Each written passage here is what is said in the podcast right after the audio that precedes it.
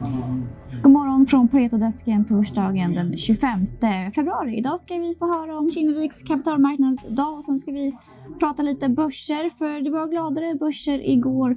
Wall Street handlades upp och S&P 500 stängde på plus 1 Dow Jones plus 1,4% GameStop fick fart igen igår och eh, rusade 100 Och här i Sverige så fortsätter rapportsäsongen att eh, hålla i sig. Idag kommer rapporter från Elekta, Africa Oil, Bioinvent, José Maria, Implantica, Jetpack och Powercell bland annat. Och på Pareto så har vi gjort lite justeringar idag. Vi har pratat Hexatronic där vi upprepar köp, höjer riktkursen till 120.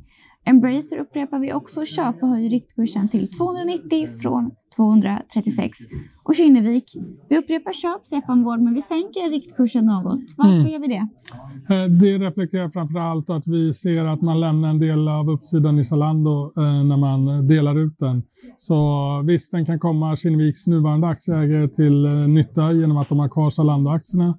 Men man kommer inte få den genom Kinnevik-aktien och fram till utskiftningen så är det ju risk att Zalando-aktien är lite pressad på grund av överhäng och sådär. Så att det är reflekterat i den här justeringen av riktkursen. Mm. Och vi har fått lite andra mm, nyheter kring Kinnevik också ju, eller Babylon ryktas ju om att det ska bli notering där och eh, värderingen landade på 4 miljarder dollar.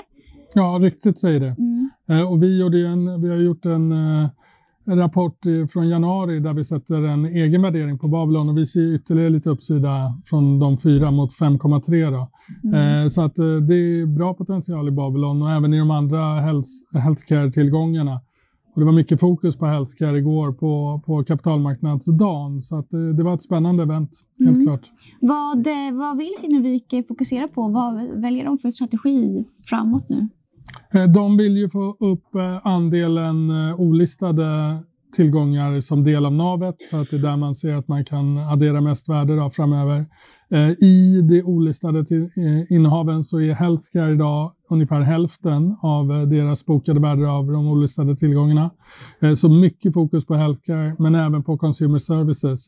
Ska man göra en reflektion från senaste kapitalmarknadsdagen så har Eh, fokus och aktivitet i financial services kommit ner ordentligt eh, till förmån då för healthcare och consumer services. Mm.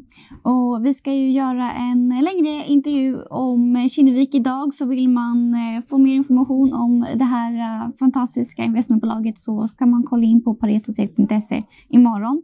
Med det sagt så tackar vi för idag och önskar er en trevlig torsdag.